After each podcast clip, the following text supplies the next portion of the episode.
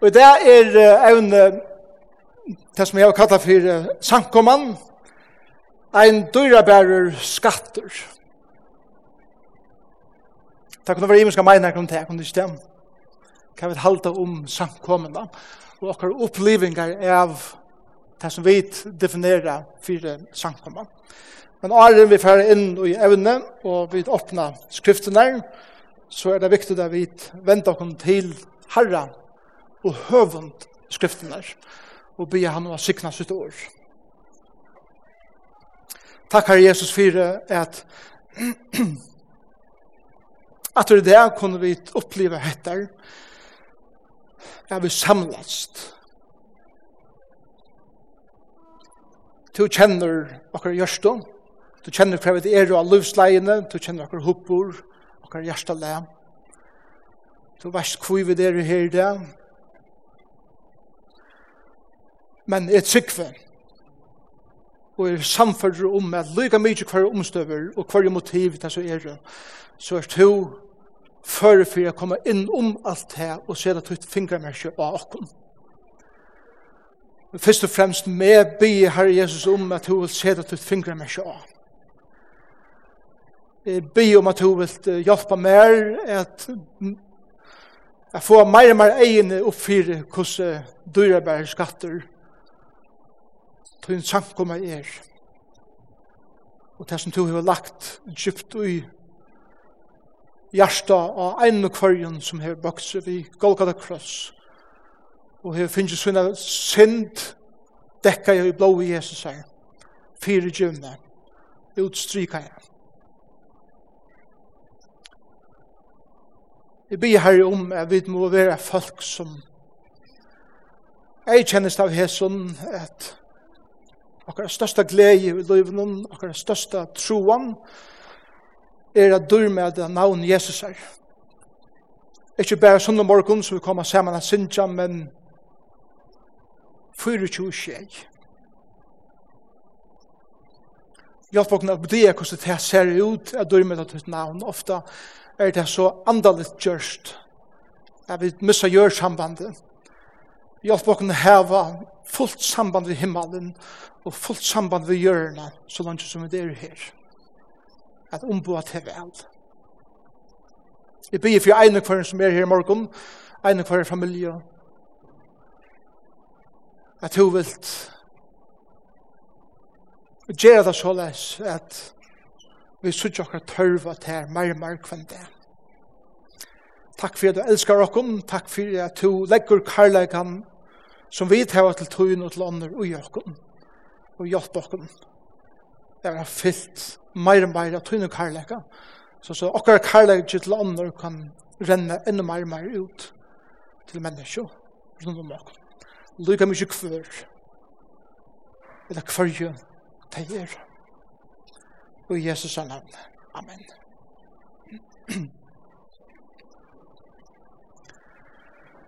Jeg hørte om en mann som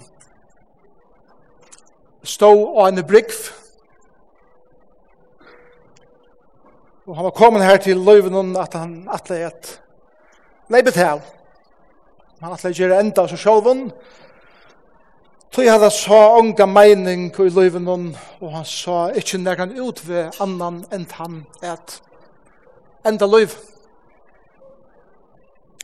Jeg med vår ser hettar. Tryggvande med vår ser enda mannen stand og eh, kanten hon i brunnet, klarer han å leibe av, og han renner ut til han, og byr han om ikke et leibe til av. Og Ragnar sier han, du, du, sånne grunder for å leiva, og etter stingene, og, og, og han, han fer så samtalen gongt, og så sier vi han, er, er, du, er du kristen? Eller er du muslim? Er du jøte? Hindu? Buddhist? Ateist? Hva er du? Og han sier, er, er, er du kristen? Alle var da kristen. Men det er i eisen her. Du fjøs ikke leipet her, og vi, vi bare er, er, er kristner. Og så spyr han, er du katolikk? grisk ortodox, russisk ortodox, eller protestant. Og han sier, er protestant. Det er alle verda. Men er jeg eisende protestant? Du er alle grunnen for at for at liva. Så spyr han, er til lutheranere, anglikanere, episkopolianere, karismatikere, apostoliskur, eller er du metodist, eller er du baptist, eller er du frikyrkjelier. Og han sier, jeg er baptist. For alle var her. Ja, men, det er i eisen, he? Men du har alle grunn for livet. Så sier vi han, er du Hopkins baptist? the Need of Truth Baptist, the Luxmore Brethren Baptist, the Vernal Baptist, the Grant Baptist, the Kelly Baptist, Stewart Baptist, Excessive Stewart Baptist, Love Baptist, the Low Excessive Baptist, Stoney Excessive Baptist, Taylor Excessive Baptist, Cox Baptist, Johnson Baptist, Dennis Baptist, Bot Baptist, Bay Baptist, Plymouth Brethren Baptist, Coldwater Baptist, hva er det du? Plymouth, alvara. Ja, men til jeg eisen det, til alle grunn for jeg livet. Så sier vi han, er så åpen Plymouth Baptist. Er så eksklusiv Plymouth Baptist. Tradisjonelle Plymouth Baptist. Fryer Plymouth Baptist. Hva er det du? Er jo åpen. Åpen? Ja, så kan du bare leie på det av. Ja.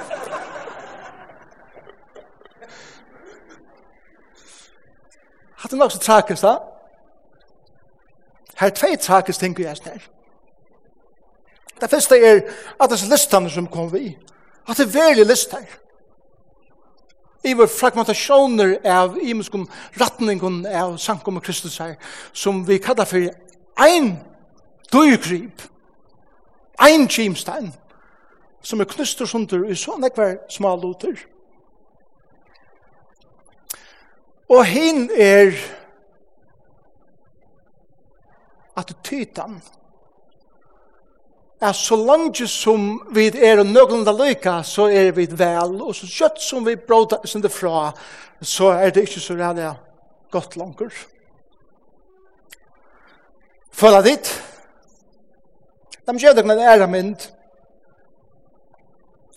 Nå færer vi fra brunnet, vi færer opp i himmelen og vi høyra tru endene tala saman om samkommene. Fægeren seg fyrst. Min største glede er at fire ega brorene som to sånne min en dag skal liva vi avunleikane saman vi. Jeg har funnet her folk fra öll London, tungumalen og etniskum bakgrunden. Jeg elsker deg og gjør deg til akkurat her som er innskjer. Og så når den sverre at jeg elsker brorene. Jeg blei som hon da jeg tok av meg sjølvan hold og blå. Jeg døye for henne, for at en dag hun kunne være lett framfor meg utan plett, uten rukk og etter neka som gjør henne orene. Hon var dømd og fortapt. Men nu er ikke fordøming for mine bror. Nu er en endeløst, og hun er min. Ja, og de som har byrjet et godt versk i, skal jeg en dag fullkomne til den dagen broren vil tidsen heim. Hele anden kommer på i samtalene og sier, Åh, oh, den oppgave jeg har finnet, at rensa brurene. At gjere henne meir og meir bergtikne av til Herre Jesus, så at hun kan lydes til her meir, tøyt sinnale, meir og meir. Jeg elsker at lyse året opp for henne, og vaske teimen ui årene. At samføra deg om at det er ikke fordøming, at samføra deg om at brukkommer terra, tog terra dom opp av krossen, Han leia deg til her at suttja hvordan negv de har bruk for god i her løyve og hvordan de kunne lære at elska hver annan og hava omsorgan for hver nær. Her munner han. Han tar opp til den tredje søve at han har annan hemsperdig var einleikjen i middelen samkommunar og kyrkjenar i Tysklandet sundur såraver. Tøy at det var så nekv kristen som ikkje talave og imotur tøy som Hitler gjørte. Og det låter bare, bare som om at alt bare gikk sånne gongt og ikke være vlasen. Ta og krutje var liot våre sankommer og kyrkjer kallar jeg saman til en fund fyrir at arbeida i jøgnum fyrirgivingarprosessina og endurreisingarprosessina. Og så funderen er en funder som man høyre løyde til. Men en sier så som var vi har funnet noen at vi kommer her til at vi fyrirgå kvarnøren og og valde å genga vujere saman. Så, så spyr en annan enn denne personen som var vi, hvordan kommer det her tid? Og ljósen av öllum det som er hent, tjøkken hese kruks og ærene, at de kunne sammeines atter og være endreist. Og han sverre er så leis. Vi begynner bare vi at være saman. Vi hadde ikke agenda og en lista i punkt som skulle, skulle nå bæra fyrirgiving og endurreisning. Vi hadde bestemt oss at ikke komme ur at det her som romen før enn vi hadde funnet fri. Og han sier vi, vi bæra var saman. Vi sunger lovsang til Herren. Vi drøpte til Herren og i bøn og vi låter han nema okken. Og vi gjør det til lykke til vi kommer her til at nå var vi klarer at byrja at arbeida i jøkken prosessen at endreisa og at fyrir skjeva.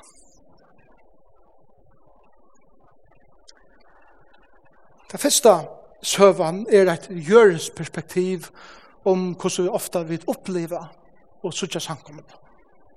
Andershøvan er et himmelst perspektiv om hvordan vi suttja og hvordan god ser samkommet. Det tredje søvan er perspektiv ta og i himmel og gjør møtast. Og samkommet blir knapplega en gymsteiner som gjør nega underfullt i menneskene. Og hette det som jeg husker om, ta i kattelig hese tala, samkomman, en dyrabærer skatter. Jeg vil få hette her perspektivet. Her himmel og gjør møtast. Og jeg vil skilja, jeg vet, er øyelig imisk som er i her i morgen? Vi tar øyelig imisk her opplevelser av livet og meningar om hvordan vi halda livet skal være. Eisen samkommer livet men jeg vil lære av en eller annen hatt at la det og himmel møtast.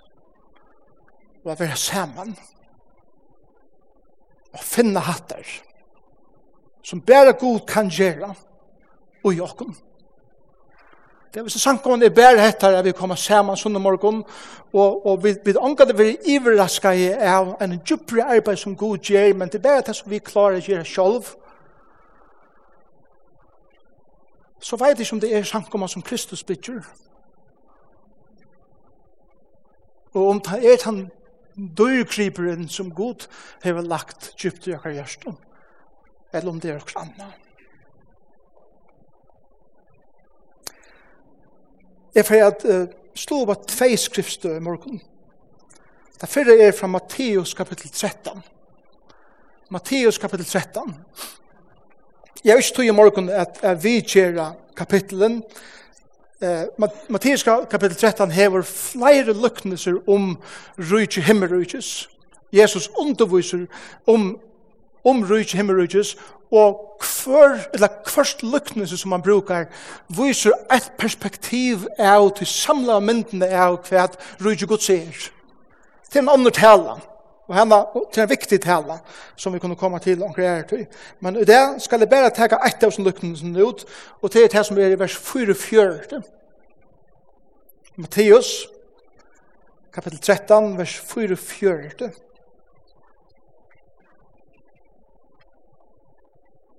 Rujtje himmelrujtjes er lukt skatte, som fjalder la og gjørne. Med vår fann han, og krekva i ham, da kunne jeg eisen vi omsett, og gømte ham, eller sett i han til syes. Og av glede om hendas skatt, får han og selte alt og han åtte, og kjøpte til hjørne. Det er stort, stort lukknelse som sier om medlemmer. Røyke himmelrøykes, hva det er til ja, men det er sånn nekka som tilåkar heva strust om i artutjender, så, så skal jeg komme bare og sija, hette det her, eh, neivan, men jeg kan kursi sija at Og i til store perspektiven er rujtje himmelrujtjes her som Gud hever sett fingra merkjes ut. Ok? Her som Gud hever sett sitt fingra merkje av er hans territorium maveren som vi omtalar her beint.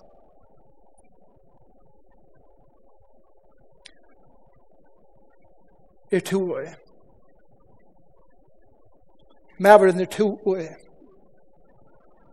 Jørgen, her som skatten var funnet, funnen, er tøyt og mot hjärsta. Tøyt og mot eksistenser. Skatteren, Hva er det til? Skatteren er til helt utrolige unika som Gud har lagt inn i tutt hjärsta. Gud har lagt en skatt i tuina gjør, i tutt hjärsta, i hina eksistens. Nega er sær hever han lagt her. Hes mauren finner det. Gøymer det til syes og fer og seler alt. Og, og tøys sier man etter vi som lukknesen, vi som spørningen, som det var så leis, hva er det jeg vil gjøre, eller vil villig, at offra, og selja, for jeg åkna meg henda skatt. Hva vil jeg gjøre opp i min løyve, for jeg får fæter og i noen som er enda djibri og i mer. Hva er det jeg vilja å færre? Jeg har öllum de tingene som jeg kanskje har noen omme, eller som er nøgtre vi i meg selv, men som er minne verst enn det som god til lagt kjøpt i meg. Hva er det jeg vil gjøre, eller vil jeg, jeg leta færre, for jeg gledast å finne det som god til lagt i meg. til skatteren. Og ta vi at finna okkara einstega skatt saman og vi koma saman, så gjør det hvordan store som James Steineren bliver, ta vi koma saman som folk gods, at prysa og dyrmeda han om det som han har lagt med meg og ta to kjemmer, og to kjemmer, og to kjemmer, og vi saman, hvordan nekv kraftigere til lyser ut, Så er det til kristne løyve er bæge som einstaklingar, men eisene er koma saman som brøver og systre. Så får jeg be deg å slå av meg opp av Johannes kapittel 3. Johannes kapittel 3.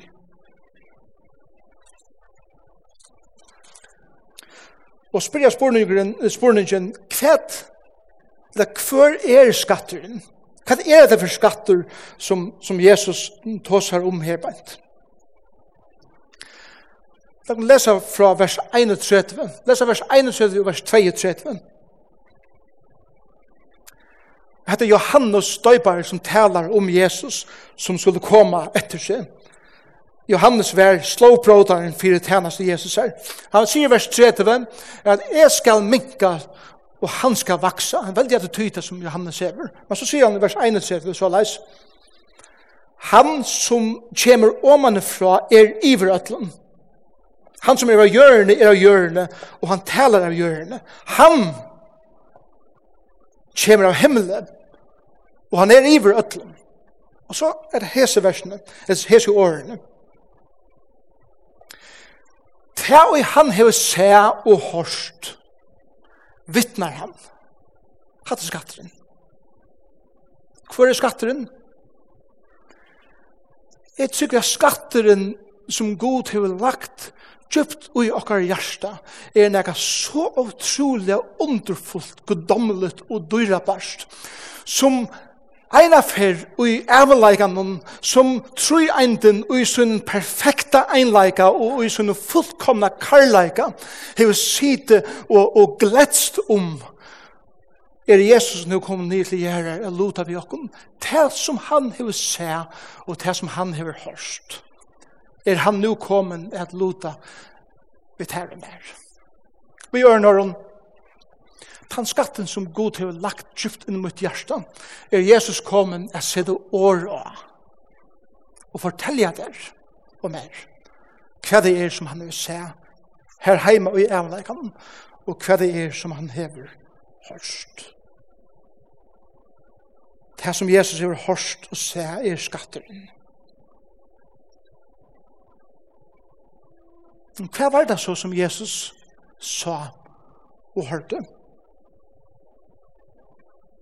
Hva var det? Og på hva måte er det en dørgriper for meg og for det? Det som Jesus sa,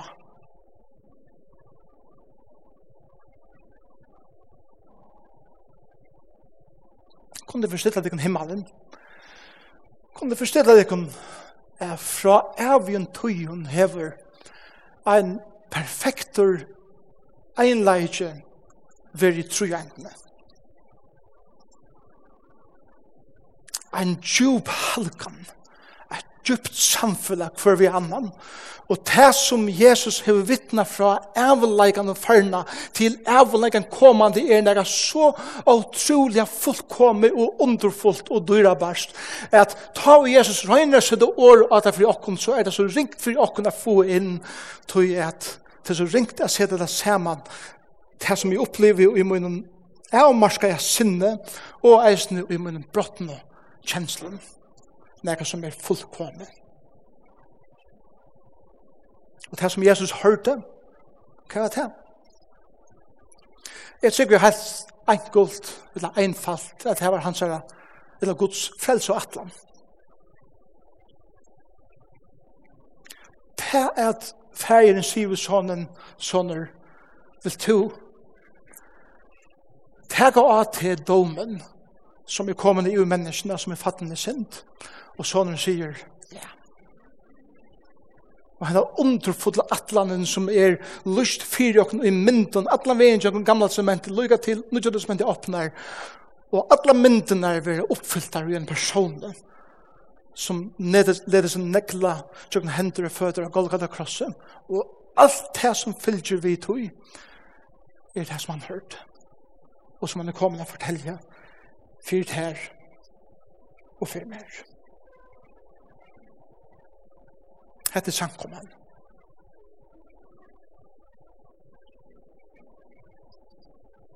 Hva er samkommet? Hva er det her? Er vi kommet sammen i morgen, og jeg vi kallet oss en parst av en lokalare sankomme og en lokalen sted? skiljande av vi er eisen en pastor av en nek større end enn bare vid luttla luften. Min dreimur, min hjertens troan, og mitt innskje om samkommende som en skatt, som en dyrebar en skatt, kunde jeg ta seg om lunchen. Men jeg skriver meg noen ting nye, for jeg låter vi tikkun.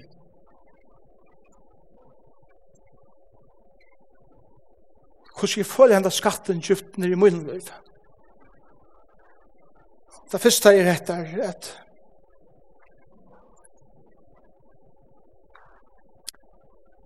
jeg skiljer og sutja og høyra det som Jesus sa og hørte, er til at vi koma saman og sutja skatten og i at ta så opp og ærlig om og byrja skilja bedre og byrja føla meir hva det var som Jesus sa og hørte. At vi blir mer bergtidsjende av frelse og atlan Guds. Guds at det blir mer bergtidsjen av hva det var som Jesus Kristus gjør det for meg og Golgata krosset da han tok min synd og på seg. Det neste er at at oppleva at livet en brotten heime er at læra meir og meir om og eisen at kvila meir og meir ui kærlega gods til munn. Okay? Ikke bare at læra meir og meir om han rent intellektuelt, men eisne kvila meir og meir ui hans karlæka. Her.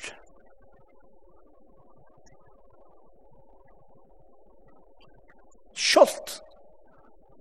Ta og vi vil ikke kjenne noen signal. Det her er bjørn ikke kjemmer ut. Jeg kvile ui at Gud elskar meg men alt gonger hundan til. Og jeg kjenner unga sikningar i løyvene. Jeg kjenner ikke av var her som prædiker menn og, og ånder råp om hvordan godt det er. Jeg fylles vi Jesu. Jeg føler ikke av tog. Eisene ta. Jeg kunne kvile så nek for i sånn dyrgripen som jeg har funnet. Ja, det er det ok. Ja, det er ok. Ja, det er ok. Sjalt tar vi kjenne kun tom og ensam. Ta at velja at elska ånder.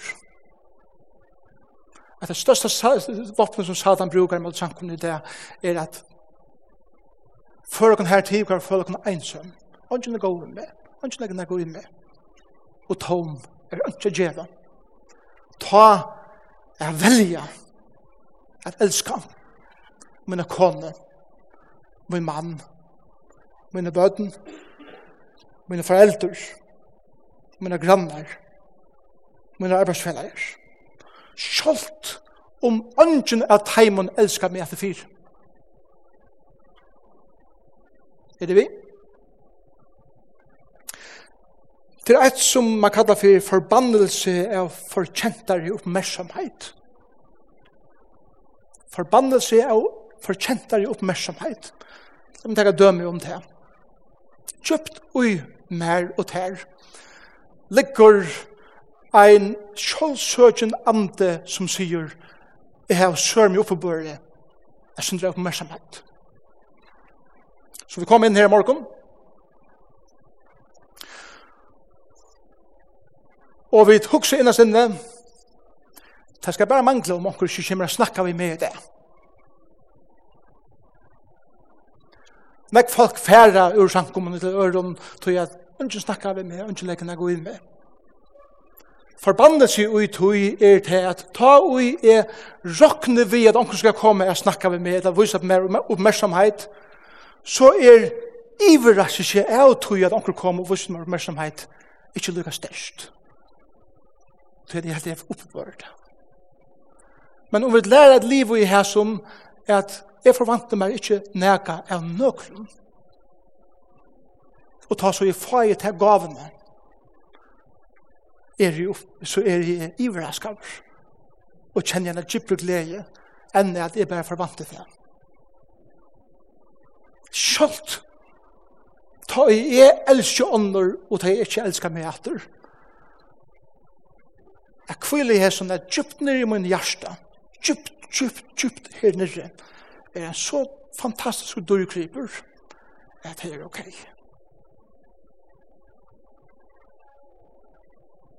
Et annet som er synes jo i som skatten er at at opp det et steg har vært læra meir og mer om karlaga gods, er et sted som samkomman. Etla, rett og sagt, samfellet, etla vina bondene som er knutt i middelen noen i en samkomman. Her folk som innskje at elska.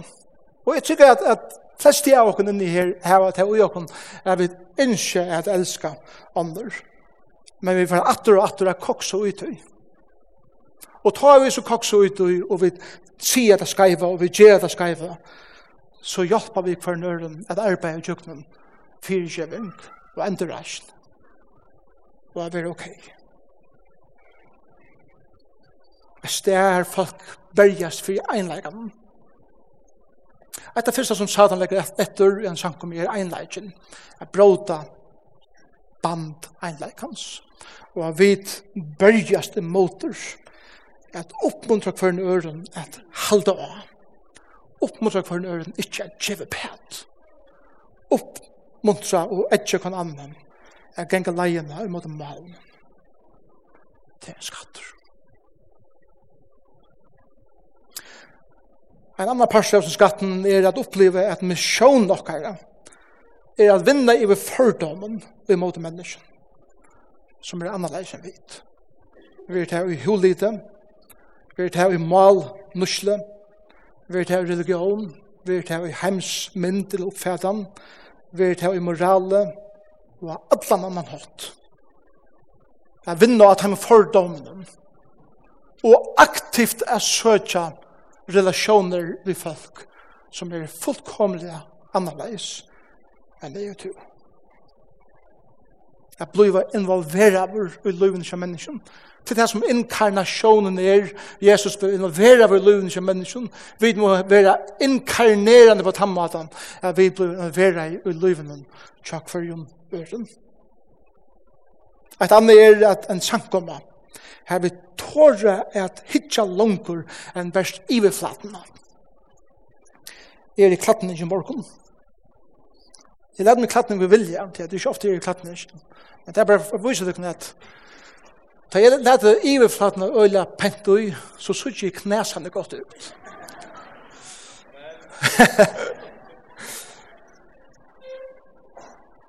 men bare om og Karita som er inne her, vita hvordan pappa heier det fyrre morgen, Arne i klattning. Og at det er okej, okay, at vi tåra at lade opp og sige hva det er innanfor okkar funne fasad. Det er en skatt. Et annet er dette. jeg vil tåra bråda fra forstøyene og ta noen bondon og lanchun som ligger av okkar Men jeg vil ikke bråda fra forskjellene på tannmaten, jeg vil si at hatt det ferdig, hatt det snakker ångan meir om, og hatt det ikke en parst av min liv langer, men heldur at hatt det er en parst av min liv, og liv som en liv i det og frametter. Liv i sikrande fra tog frametter.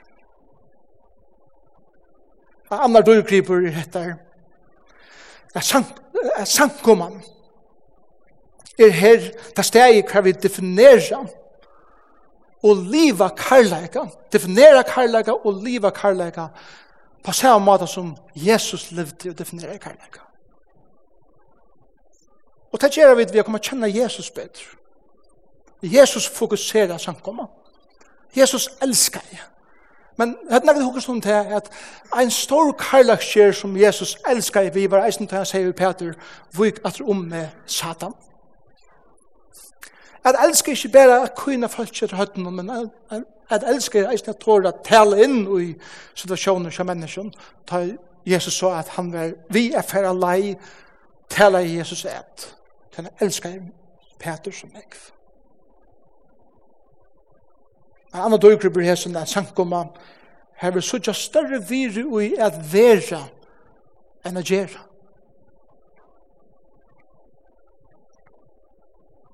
Jeg er jo kanskje flest av spyrjen, hva gjerst to i løftene, hva er tæna seg som vera røy, og så vore den. I stedet for å spyrja, hvordan hever du det? Er det ok? Det er ok å være og kvila vi føtter Jesus. Og ikke bare ganga rundt og renna og renna og hoppa Og i vånen om at så for Jesus, jeg gjør meg et herre klapp. Han er lengst kjent givet et herre klapp. Han er lengst kjent klemma det og omfevna det, og han teskar atter at du øyra vi har andans rødt. Jeg elsker det. Kvil her. Det er en sanner døygrip. Et anna usen døygripen er her kristendommer vil praksere vår vi meir enn bæra fra holsen og oppetter. At det må jeg definere. Altså, øyla store parter av kristendom og samkommunlivet hever vi tankar å gjøre. Hva vi uh, kommer sammen til taler, hva vi kommer sammen til huksa, og det stings nere. Og, og vi gengar rundt som kristen her i hjørnet, vi har en fotel likam så god skapt men vi brukar bare herfra og fest.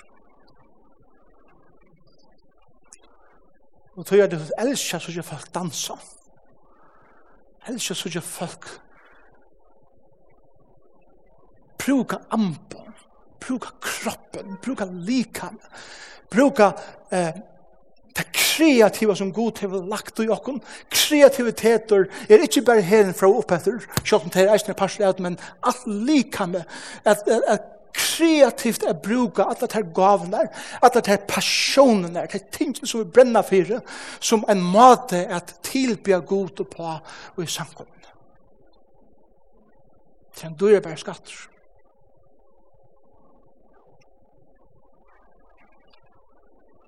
En annan skatter i hesen. Jeg vet ikke skulle alltid ha vært rett av svære. Ikke alltid kjenne sannleggen, Men heldur at oppleva dysten og ferna at skilja sannleggen betre. Men så vidt alltid halda vi det svære til alt. Men så er det ikke bruk for Kristus. Men å oppleva den dysten, jeg spyrja spurningar, og jeg tåra, jeg sier, jeg vet ikke, men i byrgist eisne. At anna er at det plass for en ørgrunne av folke som er ime, så ime som dæver og nått. Inni her. Vi er ötlun aldri Fra ötlun løvsens omstøven. En annan døygrupper her som er vi tryggva at utan trygg er det om møvelet at toknast gode. Kære brøver og søster, åttan trygg er det omøvelet at toknast god.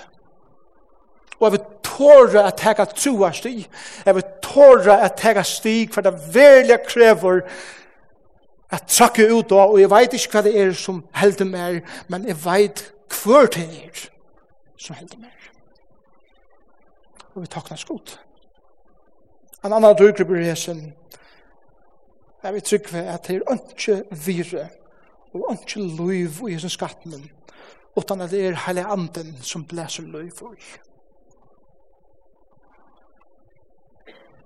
Hele anden er en veldig personer som tar bostad i godsbøttene. Og ikke han ikke slipper å blåse sitt liv inn i hentan dørgripen, inn i samkommet livet. Så er det så livet verst hvis det er som vi gjør det her en sånn morgen, eller hvis det er som vi gjør det for herren, bare er det her som vi klarer vel å gjøre selv. Og til ångan en dimisjon i det som gjør at jeg stand i omtrande i det, hvordan det kunne hende. Så er det for løyte av hele andans verste.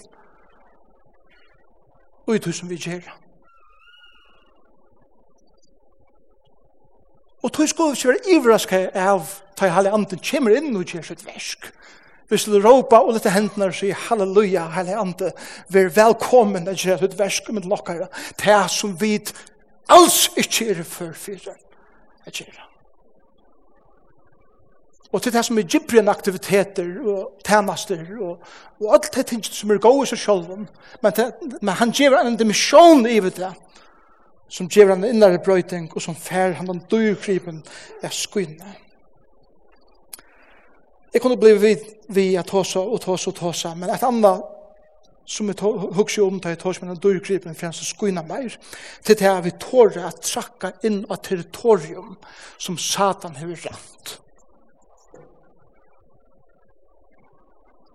Satan gonger om som brølande leiva og stjeler og renner og lujer og dreper.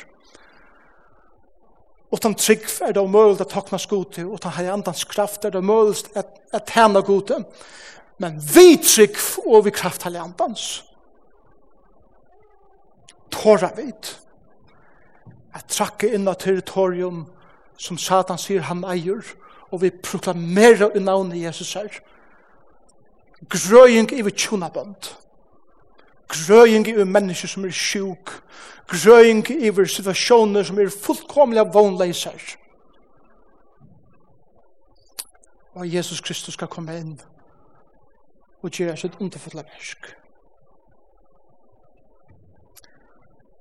Og til enn til vi Jesus.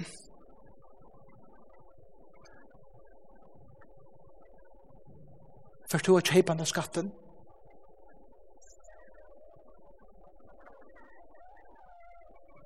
for du å kjeipa den?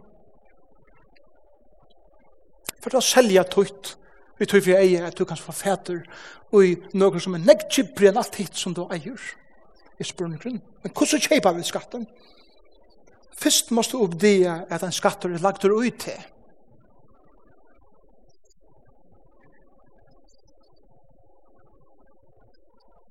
Du erst fantastiskur. Du er fantastisk kære kvinna, kære mævur her i morgen, god til å lagt en dyrgrip ut til. Og la deg ångan sannføre deg om at du ikke er nægge verder enn nægge verder. Du hever en dyrgrip lagt den ut til, som god til å lagt her. Det er man så først for å samføre om at han har lagt den her. Så måste du börja suttja viri ut i skatten. Og suttja hvordan nekt han skatten er verder i mån til alt hitt, som jeg eier. Og bry at opp det er at det som jeg, jeg eier og holder så fast og er så lydde verst av som måte tog som jeg kan åkna mer. Og så måste opp det eisen heter. At hesen skatter kan ikke kjeipas fyrir jørskar åkna er illa penning. Men det er ikke at du selger hus og bil og og når du ødels tingene her for jeg finner handanskatten, det er ikke her til lykker.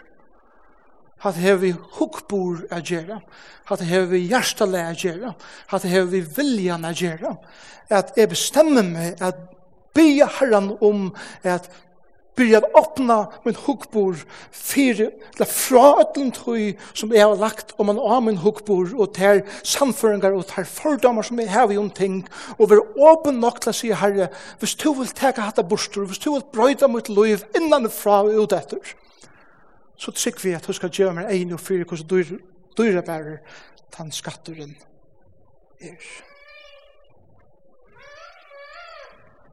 Så ter ofte til tøyne. det er ok at en liten jenta renner, så gjør at egen gjør hand av det. Det er ikke ok.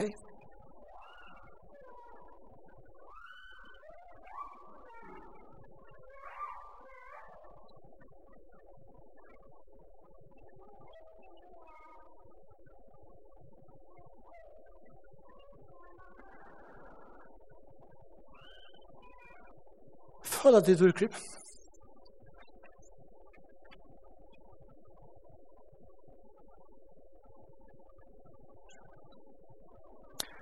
jeg blir spekler, jeg føler mer og mer.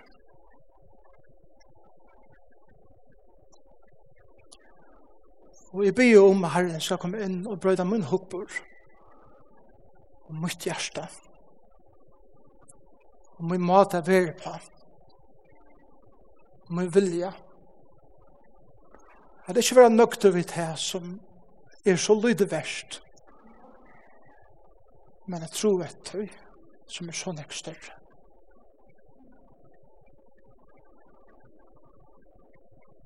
Jeg håper at løvden er mer enn bare å komme sammen sånn om morgen. Jeg bønner og byer herren om at løvden er mer enn akkurat å attityda til en person som stender under brygg for klarer å leve av. Og okkar okkara hjertelig for honom er avgjørt etter hver han har hørt til, eller hvordan han hokser. Jeg håper at okkara attityda vil tidsen heim til himmels, som for ene og fire kvæt vi tror en den gjer og hokser om okkom. Vil tidsen her fra nere hjørn atter hver himmel og gjør møtast. Kan vi komme saman av verre og at høyre til og at kjenne et samfella og en einleika som er fyllt fra karlæka, først til god og så til kon annan. Og herfra færa vi ut som en herrer og i hese landet og hese ver er skyne for Jesus Kristus.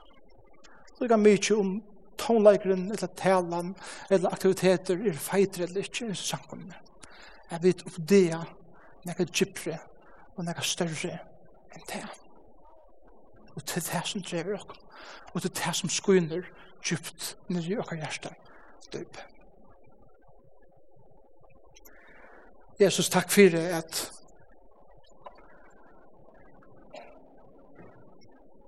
ta Johannes sier hese årene at det som han vil se og det som han har hørt. At han skulle oppenbæra det her for jokken ta i to langt for ikke og for tog til at du sier at jeg skal minka for han skal veksa.